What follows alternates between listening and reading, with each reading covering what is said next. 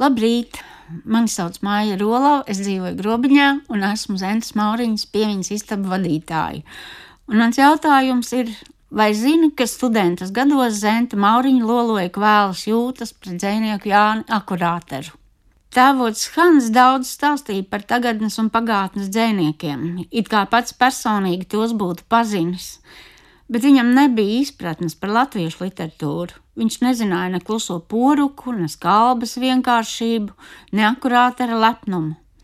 Lai iepazīstinātu mājas draugu ar latviešu literatūras dziļumiem, Zenta lielā aizrautībā pārtulkoja vācu valodā akurātera stāstu manu vismīļā.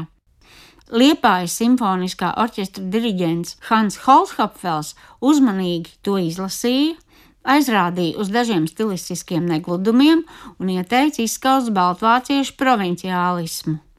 Liepājas vācu avīze bija solījusi iztulkot to stāstu iespiest. Pēc divām nedēļām viņš atbraucis ar avīzes numuru un rožu pušķi. Mātei atkal pārmetumi. Kādēļ esot šis teātris, veltīgi modināt bērnā godkārību, Ja mājas draugam nebūtu pazīšanās ar avīzes redaktoriem, neviens šo stāstīņu nebūtu iespiedis. Bet Zenta raugās avīzē kā apburta. Tur bija iespiests viņas vārds, un tas nepieder viņai vien. Liekas, tas atraisījies no viņas un atnes vēl jaunu, nepazītu prieku. Ar Jāni Akurāti ar Zenti iepazinusies Liepājas dzīves posmā 1919. gadā, kad viņš uzturēdamies Liepājā bija saslimis ar tīfu. Vēstulē viņa dzēniekam raksta: Atvainojos, ka tik vēlu jums sūtu stāsta mana vismīļā tulkojumu. Nekādā ceļā nevarēju jūsu adresi dabūt. Būtu ļoti pateicīga, ja jūs man pateiktu, vai esat ar tulkojumu mierā es dabūju dažus vēstules no Vācijas. Tur brīnījās par negaidīto skaistumu latviešu literatūrā. Pārtikas jautājums šajā periodā, kad notiek karš un pilsēta nogriezt no laukiem, ir ļoti smags.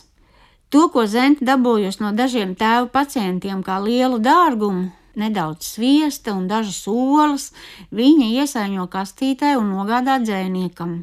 Bet vai drīkst sūtīt pārtiku dzēniekam? sapņainam romantiķim, kas nicina ikdienu. Bet cits jautājums - vai var atspirkt badojoties? Vēstulē viņa raksta: Jūs toreiz slimnīcā bijāt tik mīļš, ja jūs man dāvātu vienu mirkli un dažus vārdus atrakstīt, es ārkārtīgi priecātos.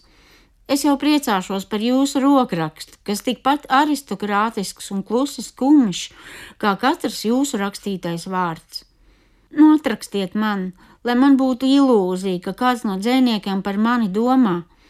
Es neprasu faktisko realitāti, ar ilūziju man pietiek. Grāmatā iedrīkstēties ir skaisti, Zenta Mauriņa raksta, ka akurātars bieži viņu apciemojis, slavējis viņas tulkojumu, viņš runājis par saviem darbiem, stāstījis par trimdas gadiem Somijā, Norvēģijā, Parīzē. Kad ceļš uz Rīgu atbrīvojies, viņš aicināja Zentu braukt līdzi.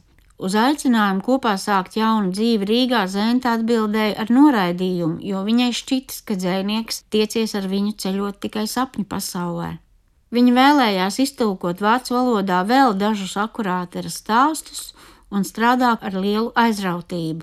Un 1921. gadā mazais sējumiņš bija glīti iespiests un gulēja viņai uz galda. Viņa jutās laimīga. No vācu valodas stāsti tika pārtulkoti dāniski, un šī ir pirmā grāmata, kuras titulapā redzams Zentes vārds. Dzēnieks pateicībā dāvina daudz rožu, pilna istaba ar rozēm. Pret sevi Zente gan ir kritiska. Viņa raksta, nu te notikusi kāda pārskatīšanās.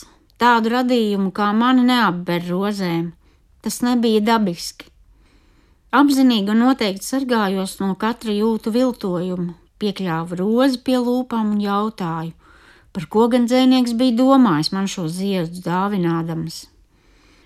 Dzēnieks bija apveltīts ar spēju skaisti dot, skaisti ņemt un skaisti aiziet.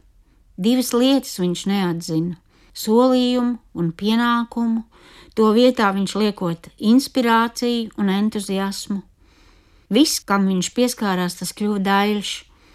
Satiekoties, viņš nav ļāvis pavadonim zentu nest. Viņa, nobažījusies, vai nav par smagu, lūkoja atrunāt, bet viņš atbildēs, ka tas jau nesot nekāds vīrietis, kas sievieti nevarētu nest uz rokām. Viņa draudzība pret zentu bijusi smalka un atturīga. Tā nepieskārās ikdienai. Kad viņa lūpas skāra manas acis, bija tā, it kā tās būtu tauriņu spārnu noglāstītas. Viņa rokas skūpis bija īsts rituāls. Lēnītēm viņš apgriezis roku un ar lūpām skāra dēlnu, it kā no tās dzertu. Viņš sacerēja fantāziju spēli, sadalīja lomas un bija tās režisors. Iekāras dēmons neiejaucās mūsu attiecībās. Zenta viesojās viņa mājā, kur valdījis klusums, un viņa sieva glīta, gaišmataina un līdzsvarota tikai nosmeja Dzēniekam ar vienu nepieciešami jauni ierosinājumi. Svaigas puķis visās vāzēs, kad tās apvīs, viņš aizmet tās prom. Viņš nekopja puķis, viņš tās bauda, viņa sieva smējās. Bet dzēnta ilgojas pēc aizsardzības, saprotošas un saudzīgas mīlestības. Tādu dāvināt viņš nespēja. Bet viņa bija laimīga.